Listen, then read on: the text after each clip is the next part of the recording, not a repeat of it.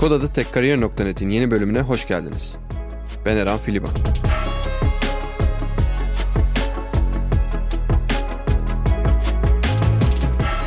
Bu bölüm konuğumuz Mikrogrup Tasarım Direktörü Alper Ersoy. Alper, uzun kariyeri boyunca ajanstan e-ticarete, içerik dünyasından kobi yazılımına farklı alanlarda ürün geliştiren ekiplerin içerisinde tasarımcı olarak görev aldı. Ben de Alper'le birlikte uzun seneler ürün geliştirme fırsatı olan şanslı kişilerdenim. Alper'le ürün tasarımcısı olmak ne demek? Genel ürün geliştirme süreci içerisinde tasarımın rolü, yazılımcılar ile tasarımcılar en verimli şekilde nasıl çalışır gibi farklı konuları konuştuk. Keyifli dinlemeler.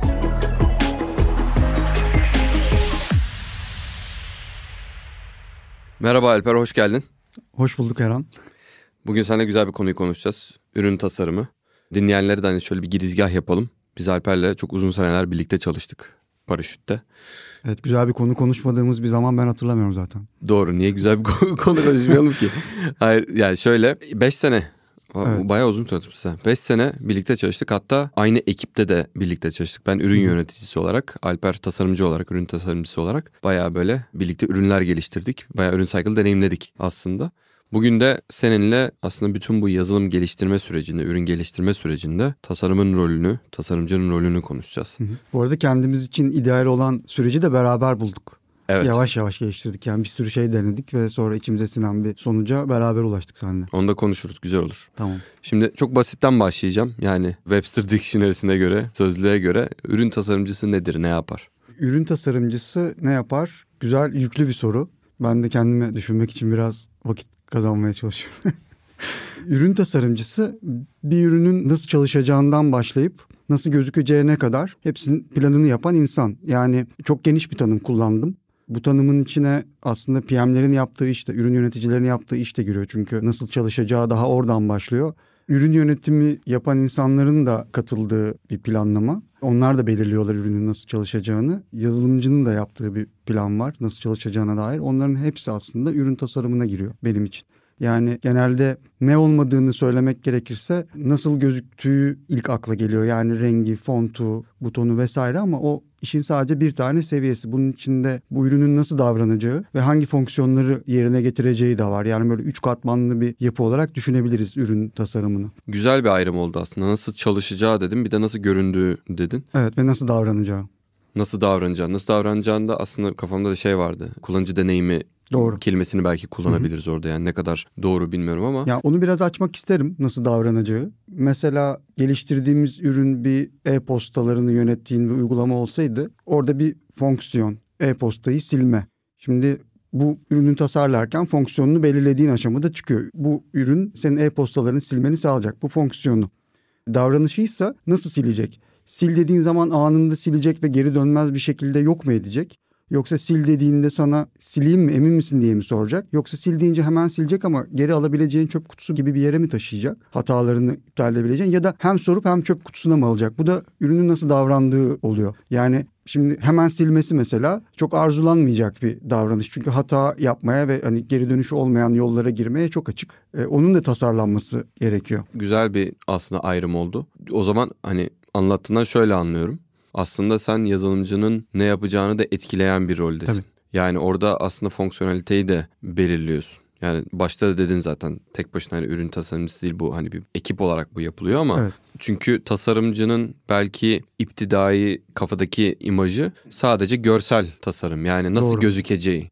Yani ona ne olduğu veriliyor. Sadece biz hani renklerle, fontlarla, belki pozisyonlandırmasıyla hani sayfada nerede olacağıyla ilgili bir güzellik yapıyor diyelim aslında. Evet, yani güzelleştiriyor. Şey çok oluyor. Yani tasarımın sonradan daha daha doğrusu tasarımcının sonradan akla gelmesi çok oluyor. O tasarımcı sürece dahil olana kadar aslında bir sürü tasarım yapılmış oluyor.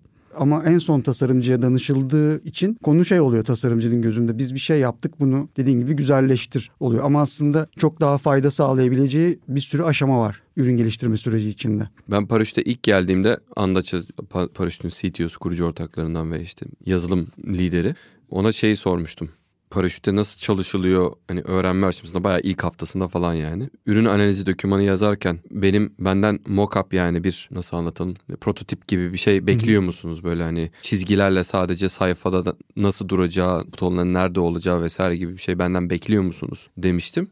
Anda işte şey demişti. Hayır onu senden beklemiyoruz hatta yapmanı istemeyiz. Çünkü o da ayrı bir uzmanlık alanı. Hı hı. Tasarımcıların uzmanlık alanı orası. O yüzden onun senden değil tasarımcılardan gelmesini isteriz demişti. Orada zaten aslında biraz senin bahsettiğin şeyle paralel bir şey var, mesaj var. Çünkü sadece dediğimiz o işte hani görsellik, güzellik, renkler vesaire değil. Bayağı deneyimi belirliyorsunuz. Yani kullanıcının o ürünü nasıl kullanacağı konusunda karar verici mercilerden bir tanesiniz. Yani onu şuraya da bağlayabiliriz Andaç'ın söylediğini bir insanın çalıştığı alan ne kadar geniş olursa o alanda derinleşmesi o kadar zorlaşıyor. O kadar yavaş derinleşiyorsun. Ve her tarafında aynı derinliğe inmem mümkün değil.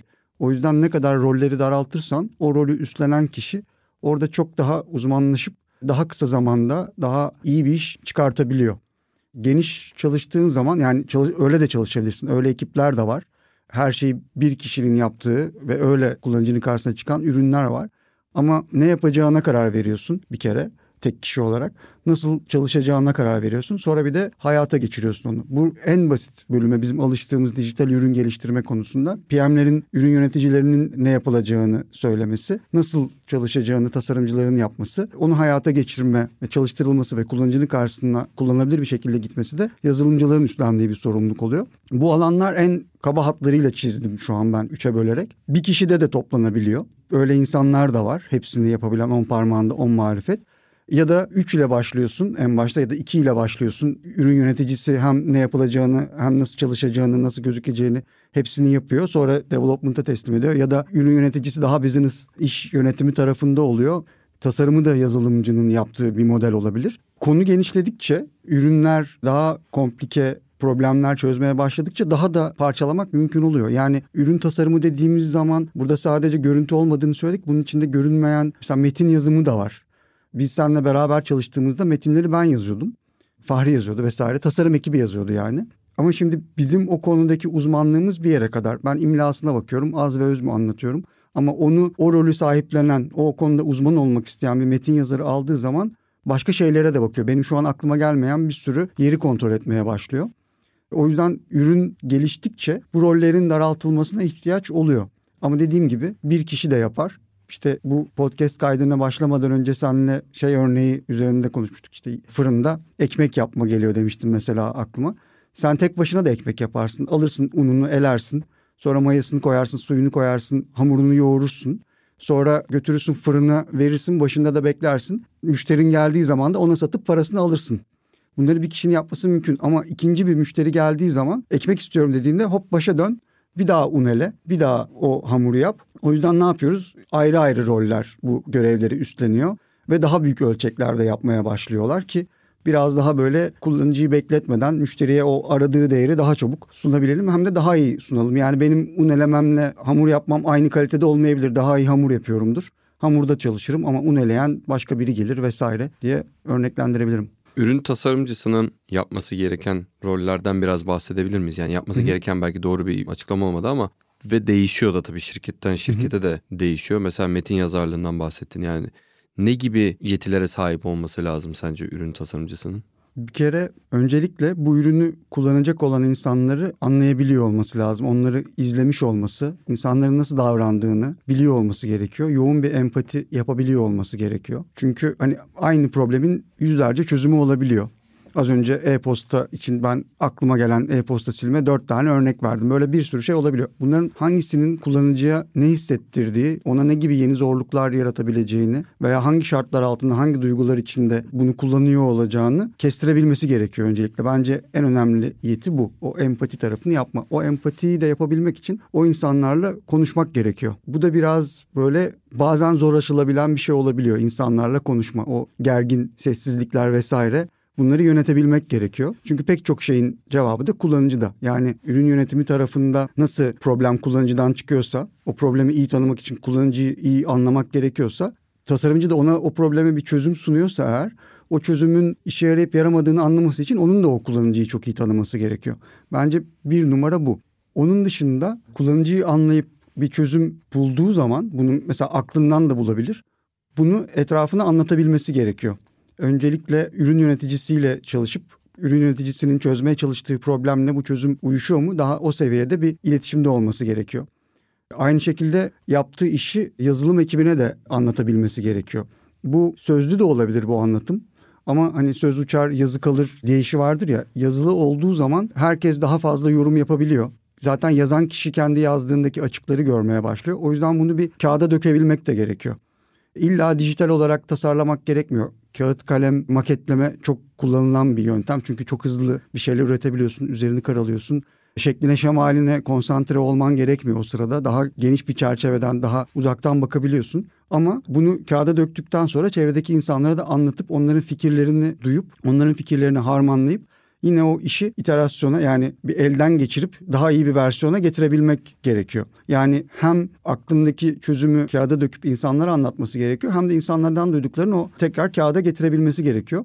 Bu da bir iletişim kabiliyeti aslında. Yani işin teknik tarafı işte bir uygulama kullanıyordur, Figma'dır, Photoshop'tur, Sketch'tir, başka bir şey kullanıyordur. O uygulamaya hakimiyetin yanında bir de yaptığı şeyi gösterip onunla ilgili geri bildirim alabilmesi gerekiyor. Ve yine kullanıcıyla görüşmeye getireceğim konuyu. En iyi feedback her zaman kullanıcıda. O yüzden kullanıcıyla konuşmak bu noktada da karşısına geliyor. Yani önce onu anlamak için bir kullanıcıyla konuşması gerekiyor. Anlayıp bir çözüm önerdikten sonra da o çözüm doğru mu? Kendi hayal ettiği gibi kafasında kurduğu gibi kullanıcı bunu kullanabilecek mi? Bunun için de kullanıcıya gidip o görüşmeleri yapabilmek gerekiyor. Ben kendim bunları arardım bir tasarımcıyla çalışacağım zaman. Peki teknik yetenek olarak ne arardın bir tasarımcıda?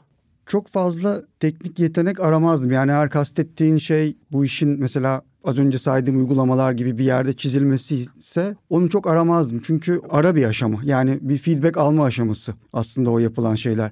Kağıt kalemle çizmek de mümkün bunları ama şunları birinin yapması gerekiyor. Dijital bir ürün geliştiriyorsak bu ürün tasarımıyla beraber metinlerinin de yazılması gerekiyor mesela. Bunu birinin yapması lazım. Ürün yöneticisi de yapabilir yazılımcı da yapabilir ama birinin yapması lazım. Kimin kalemi kuvvetliyse. Kimin kalemi kuvvetliyse genelde tasarımcıya geliyor. Çünkü o metinler de aslında kullanıcının yaptığımız uygulamayla kurduğu iletişimin en güçlü yeri. Yani butonlar, renkleri, işte büyüklük, küçüklük bunlar evet yönlendiriyor kullanıcının algısını ama asıl bilgi o yazıdan geliyor. Çok önemli bir kısım. O yüzden birinin bunu çok iyi yapması gerekiyor ve o etkileşim tasarımının bir parçası olduğu için genelde küçük ekiplerde tasarımcıya düşüyor bu görev dijital bir ürün dediğimiz zaman bir web ürünü ise tarayıcıda çalışacaksa bunun bir mesela HTML, CSS tarafları oluyor. Bunu da birinin yapması gerekiyor. Yazılım ekibinden biri yapmayacaksa yine tasarım ekibine düşmüş oluyor. Ama bunu ben mesela tasarımcıda aramazdım. Yani sadece birinin yapması gerekiyor. Elimizdeki ekipte bunu yapacak kimse yok. Ona göre bir şey bakmak gerekiyor. Yani sen teknik deyince aklıma gelenler bunlar oldu dijital ürün geliştirmenin böyle aşamaları belli zaten. İşte ne yapılacağını bularak başlıyorsun. Onu iyi tanımlıyorsun. Problemi iyi anlatıyorsun. Sonra nasıl çalışacağına başlıyorsun. O problemi nasıl çözeceğiz? O çözüm yeni problemler üretiyor mu? Üretmediğinden emin olmak gerekiyor. Problemle iyi örtüşüyor mu? Bunları yapmak gerekiyor. Sonra da bir hayata geçirmek gerekiyor bunu. Test edip kullanıcının karşısına çıkartmak gerekiyor. Bu parçaların her birinin birilerinin yapması gerekiyor. Yine ilk baştaki konuya dönmüş olduk. Yani konular böyle geliştikçe daha kompleks ürünler içinde daha hızlı bir şey geliştirdikçe bu aşamalar parçalanıyor ve daha spesifik ekiplere gelmeye başlıyor. Metin yazımını metin yazarı üstleniyor. HTML CSS'i UI developer, UI geliştirici diyeceğimiz bir kişi üstleniyor. Çünkü oranın da bir uzmanlığı var. Eğer B2B böyle işletmelerin kullandığı bir şey yapmıyorsak son kullanıcıya gidecek bir uygulama mesela sosyal medya uygulaması vesaire o küçük animasyonlar vesaire önem kazanmaya başlıyor. Küçük etkileşim yerleri. Oraları mesela yazılım ekibinden beklemek bence çok doğru değil. Ama birinin yapması lazım. Orada mesela işte UI geliştirici gibi bir rol çıkıyor. Yazılım tarafında da yine bir kişinin yapabileceği, kaldırabileceği bir kompleks de var. Arttıkça yazılım ekibi genelde büyümeye başlıyor. İki yazılımcı, üç yazılımcı, dört yazılımcı. Kendi ekibin içinde testleri yapan birisi oluyor. Çünkü bitti deyince iş bitmiş olmuyor. Yani test etmek gerekiyor ekipten birinin bunu üstlenmesi lazım yine aynı şekilde. İşler arttığında üstlenilemediğinde bu sefer test ekibi kurulmaya başlanıyor. O testler çünkü giderek onlar da komplike oluyor. Bir sürü senaryo var. Hiç ummadığımız yerlere dokunabiliyor yaptığımız değişiklikler. Bir test ekibi çıkıyor. PM ekibi bölünüyor ürün yönetimi bölünüyor. Roadmap belirleme yani ürün ekibinin üzerindeki sorumluluklar takımın moralini yüksek tutmaktan ya da kontrol altında tutmaktan her şey yolunda mı? Zamanlamalara uyabiliyor muyuz vesaire bunların takibine bir sürü şey var. Mesela analiz tarafı o problemlerin iyi tanımlanması tarafı açıkta kalabiliyor. Ürün yöneticileri de böyle bölünüyor. Mesela analiz diye bir rol çıkıyor onun içinden. Tasarımda da aynı. Yani benim aklıma gelenler metin yazımı, işte akışların tasarımı ve sonra da UI tasarım. Mesela yani bu da ayrıldı. Yani kullanıcı deneyimi tasarımı ve kullanıcı arayüzü tasarımı aslında ayrıldı. Hepsi bir deneyimin parçası. Ama hepsi derinleştikçe ayrı uzmanlaşmalar, uzmanlıklar gerektiriyor. UX, UI'nin de yavaş yavaş ayrıldığını görüyoruz. Yani animasyon vesaire gereken bir üründeysek UI tasarımı yapacak kişinin buralarda bir şeyler biliyor olması lazım. Orada bile bir gelecekte ayrılma olabilir. Yani UI yapan insanla animasyonları yapan insan ayrılabilir. Aslında tam oraya geliyordum yani bir şey olarak düşünürsek bunu bir üretim bandı olarak düşünürsek evet. o band üzerinde farklı farklı istasyonlar var. Hı hı. Ürün büyüdükçe şirket büyüdükçe o hat belki uzuyor hı hı. ve araya başka başka fonksiyonlar giriyor. Onlardan bahsediyorsun aslında şu anda. Aynen. Ama o band kısayken o banttaki 2-3 kişi ne gerekiyorsa yapıyor. Ve orada bir hani görev dağılımı bazı şeylerde çok net. Yani bir ürün yöneticisi yazılım geliştiriciliği yapmıyor yani kod yazmıyor üründe.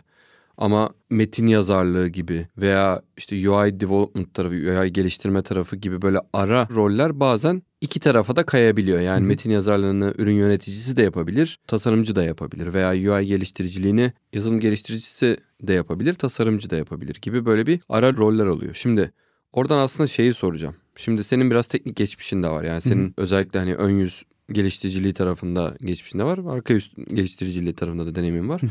Şimdi tabii bunun olmadığı bir dünyayı hayal etmen zor. Ama senin teknik geçmişin olduğu için aslında oranın benim teorim sen işini daha iyi yapıyorsun senin teknik geçmişin olduğu için.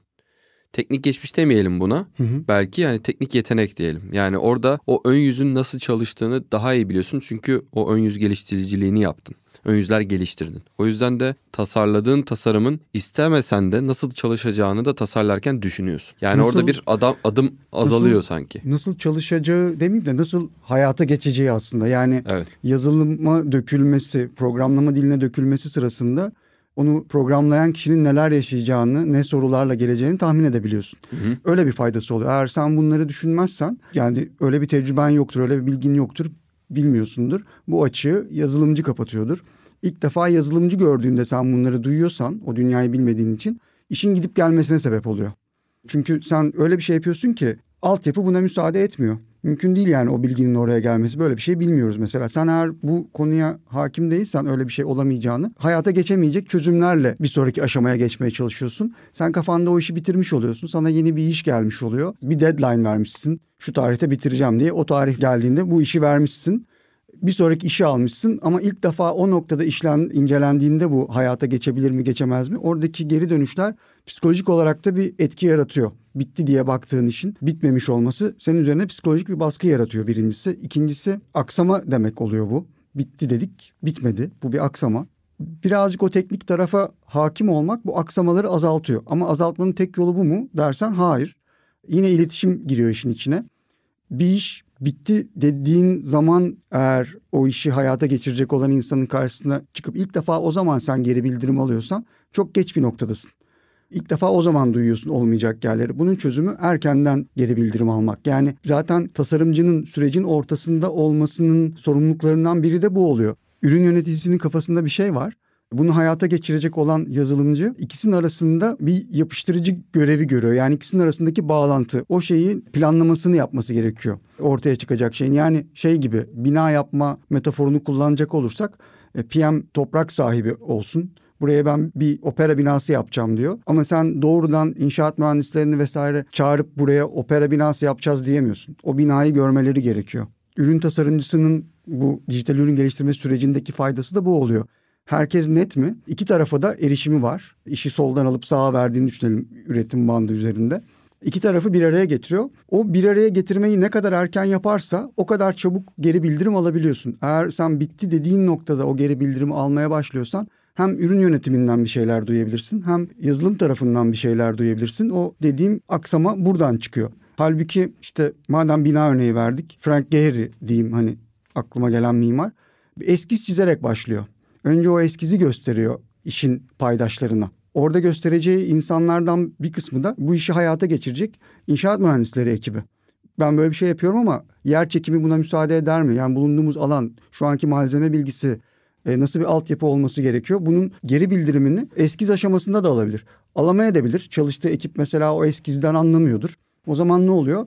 Biraz daha böyle işi detaylandırıp eskizi üç boyutlu modele çeviriyorlar bilgisayarda. Daha fazla paydaş fikir beyan edebiliyor. Yine hem fikir olunduktan sonra bir sonraki aşaması artık fiziksel bir modelini yapıyorlar, maketini yapıyorlar. İnsan insancıklar koyuyorlar, ağaçlar koyuyorlar etrafına. Herkes ürünün ölçeğini anlasın diye. E, o aşamada da bir feedback alınıyor bir geri bildirim alınıyor. Ondan sonra hayata geçme aşaması başlıyor. Yani elinde o bitmiş maketle veya hatta daha kötüsü bir geri bildirim kaynak kullanıcısıysa, dijital ürünün kullanıcısıysa bitmiş ürünle geri bildirim almak da geç bir nokta. O maketle de sen geri bildirimi alıyorsun. Sen paydaşları ne kadar erken sürecin içine dahil edersen yaptığın işi de o kadar daha akıcı hale getirebiliyorsun. Zaten tasarımcının iyi iletişim kurabilen bir insan olması gerekliliği biraz buradan çıkıyor. Bir sürü insanı bir araya getiren aşama tasarım aşaması. Yazılım aşamasında mesela yazılımcılar genelde yalnız çalışıyorlar benim gördüğüm kadarıyla. En azından bir noktadan sonra işi anladıktan sonra biraz böyle daha konsantre işte odaklı bir şekilde çalışmak istiyorlar. Bunun yolu ne yapacağının net bir şekilde ortaya konmuş olması, ne yapacağını biliyor olması.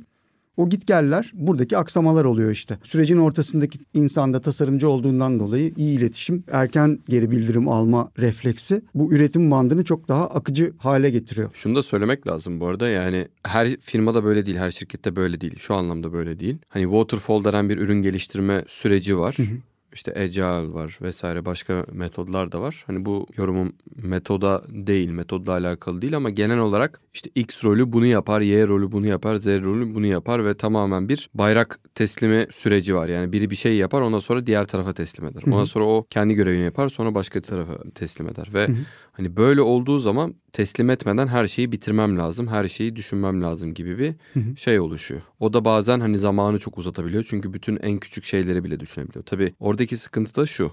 Diğer rollerin bakış açılarını görmeden aslında bütün her şeyi düşünmem gerekiyor. Doğru. Birinci rol olarak ne, rolün ne olduğundan bağımsız. Ve diğer kişilerin bakış açıları da aslında önemli çünkü gerçekten o ürünün başarılı bir şekilde canlıya çıkıp müşterinin problemini çözebileceği seviyeye gelebilmesi için bütün o aşamaların düşünülmesi lazım. Hatta burada bir örnek de vereyim bizim paraşütten. Tasarımcı sen değildin o sırada. Ben sen de söyleyebilirsin. Yok hayır. Hayır zaten tasarımcının yaptığı bir şey değil hata falan değildi yani tamamen süreçle alakalıydı. Ondan sonra zaten şeye döndük cross functional cross takım function, takımlara döndük. Yani Hı-hı. her takımın içerisinde bir ürün yöneticisi, tasarımcı ve yazılımcının olduğu Hı-hı. yapıya döndük. Nakit akışı raporu belki hatırlıyorsundur o hikayeyi. Yani nakit akışı raporunda ben ürün yöneticisi olarak o raporun nasıl çalışacağına dair bir şey çıkardım. Bir analiz dokümanı çıkardım diyelim. Bunu da müşterilerle konuşa konuşa bu ürünü isteyen, bu raporu isteyen kişilerle konuşa konuşa çıkarmıştım. Ondan sonra da tasarım aşamasına geçti. Tasarım aşamasında bir noktaya geldi ama tasarım aşamasında da hani analize göre yapmaya çalıştığında tasarımcı bazı noktalarda sıkıştı çünkü bazı şeyler düşünülmemiş. Bazı açılar düşünülmemiş. O yüzden aslında geriye dönüp analiz dokümanını belki de biraz daha değiştirmemiz gerekti. Ondan sonra tasarım hazır. Okey tamam. Şimdi yazılıma geçtiğimizde zaten hani öyle bir hale getirmişiz ki tasarımı yaptığımız hani analiz ve sonrasındaki tasarımla olmayacak bir iş yani öyle bir veri, hale getirmişiz veri yok ki. belki paraşütte böyle sak ya veri var da çok zor hale getiriyor. Yani hı hepsini aynı anda yapmaya çalışan çok aşırı kapsamlı bir ürün haline getirmişiz. Hı-hı. Aklımızdaki şey hani o da olsun bu da olsun şu da olsun bu da olsun deyince böyle yazılımcı da böyle hani oldurmaya çalışıyor iyi niyetli bir şekilde. Hı-hı. Ama olmuyor çünkü yani biri geçmiş şeye bakıyordu dataya bakıyordu veriye bakıyordu. Biri gelecek projeksiyonu yapıyordu ve hani o ikisini aynı anda yapmak baya böyle zorlayıcı bir şey olmuştu. Orada mesela dedi ki okey tamam iki ayrı rapor yapalım biz bunu. Çünkü iki ayrı iş aslında bu iki ayrı problem çözüyoruz falan diye. Ve orada zaten geriye dönüp baktığımızda hani bu sürecin yorumlamasına baktığımızda şey görmüştük. Yani o bütün çalışmayı yaptım sonra başkasına teslim ettim. Sonra başkası bütün işini yaptı sonra başkasına teslim etti gibi böyle çok keskin bir teslimin olduğu şeylerin çok işe yaramadığını yaşayarak görmüştük. Hakikaten bir tane rapor böyle hani bir çeyrekte çıkmamıştı. Hani bir çeyrek bizim için çok uzun yani Tabii. aslında bir ürün için. O kadar sürmemesi lazımdı yani. Hani bazı ürünler vardır belki çeyrek sürer ama hı hı. olmaması lazımdı ve hani o kadar uzun sürmesi bize bir aslında bir şey olmuştu. Uyarıcı bir ışık olmuştu yani. Anladım. Evet güzel bir örnek. Yani buna başka şekillerde de değiniliyor bu arada. Silolaşma falan da diyorlar. Ekiplerin birbirlerinden haberdar olmaması. Yani o ayrı bir ekip yapısı aslında ürün yönetimi yapanların bir arada bulunduğu, işte tasarımcıların bir arada bulunduğu, yazılımcıların bir arada bulunduğu, işte Kanban metodu diyeyim iş geliyor. Kim boştaysa alıyor. Bittikten sonra bir sonraki işe geçiyor. Ne geleceğini bilmiyor. Öyle bir yapı da var mesela. O yani bunun işlediği şirketler, yapılar, iş dalları olabilir ama dijital ürün geliştirmede ben cross functional takımların daha iyi işlediğini gördüm. Yani evet belki hani o iletişim kurmak, herkesten fikir almak süreci uzatabiliyor ama geri dönüşleri çok daha azaltıyor ve sen hangi hızda ürün geliştirdiğini daha iyi anlayabiliyorsun geriye baktığında. Çünkü sürprizler daha az olmaya başlıyor. Bir tek şeyde yani bu arada zaten hani waterfall agile karşılaştırması değil. O biraz daha silolaşmanın olduğu veya böyle adım adım ilerlendiği ürün geliştirme süreçleri banka, uçak hı hı. üretimi, işte sağlıkla alakalı hı hı. şeylerden hani daha böyle hani hayat riski veya finansal risk gibi büyük riskler olduğunda biraz daha silolaşmaya gittiğini gördüm. Çünkü orada da hani büyük risk olduğu için o riski minimize etmek adına baya bir hani test süreci, önden analiz süreci vesaire gibi şeyler yapılabiliyor. Hani bu demek değil ki sıfır agile, yüzde yüz waterfall. Hı hı. Hani öyle bir ortamda değil. Aslında ikisini birleştiriyorlar belki yani. Hani hem agile ama bir noktada bizim işte hukuki riski minimize etmemiz lazım. İşte finansal risk riski etmemiz lazım gibi aşamalarda biraz daha böyle bir hani ikisinin kombinasyonu olduğu metoda da döndüklerinde gördüm açıkçası. Yani orada biraz ürüne göre değişiyor. Evet ürüne, sektöre. Ya fiziksel bir üretim varsa mesela hani orada fizik kurallarını çok aşamıyorsun bazı şeylerde. Hani onun bir süreci var, onun bir adımı var. Onları aşamadan onları esnetemediğin için maalesef hani o şeye geçmen gerekebiliyor. Yani şey de mesela uçak örneğini verdiğin için aklıma geliyor. Test ediliyor olması dedin.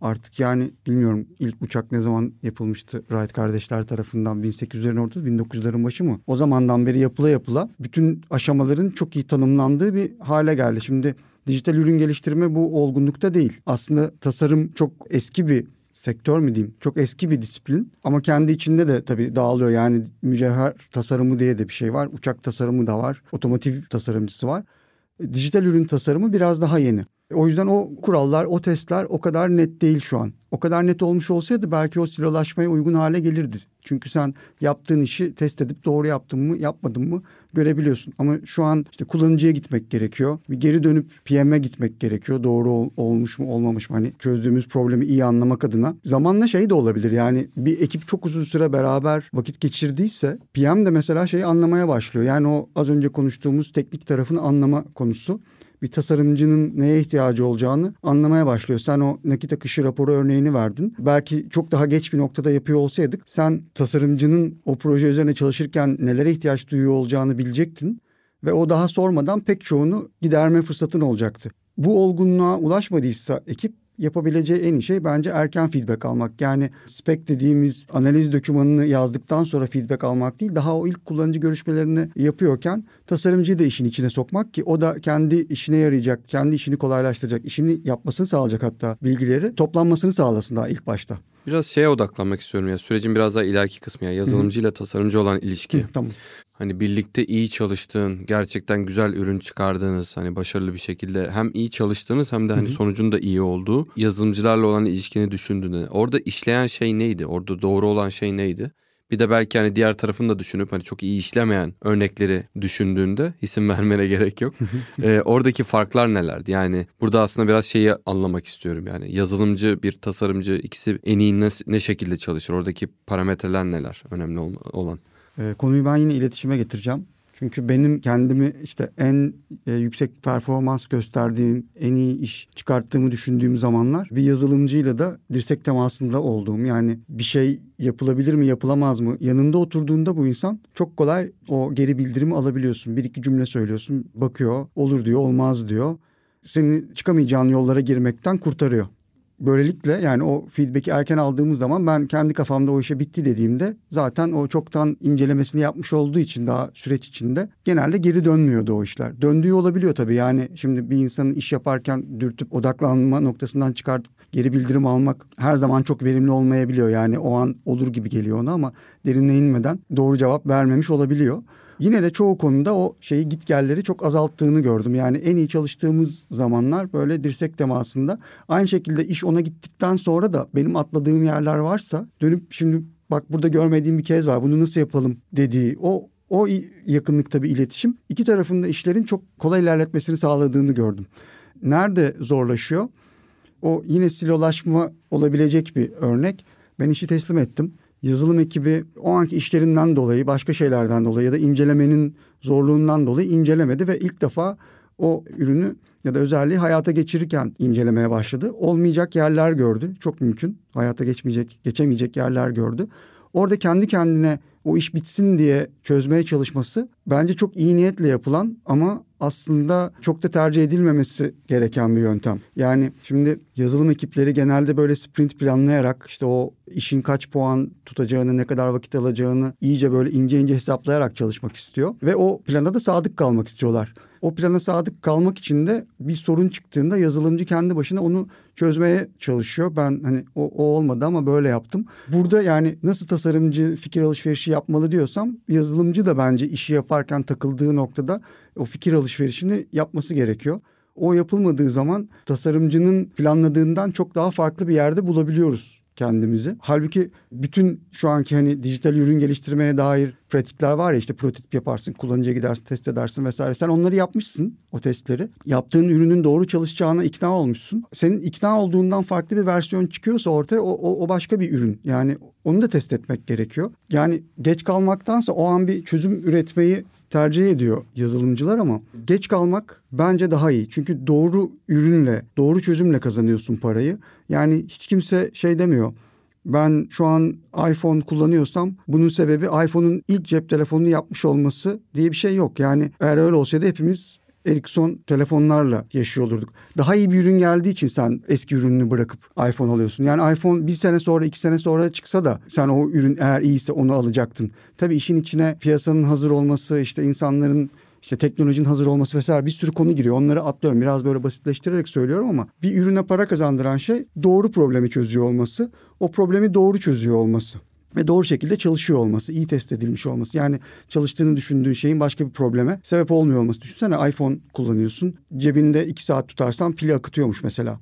Almazsın yani. Şimdi mühendisler bunu böyle çalıştıysa almıyorsun ki olmuştu. Ben hatırlıyorum iPhone 3 zamanı mı 4 zamanı mı telefonu belli bir şekilde tutarsan e, şey, e, anteni çekmiyordu. Evet o iki parmağı bir tane o çizgi vardı. O metal evet. çizgiye değdirdiğin zaman böyle bir sıkıntı oluyordu. Steve evet. Jobs'a kap takın o zaman demişti.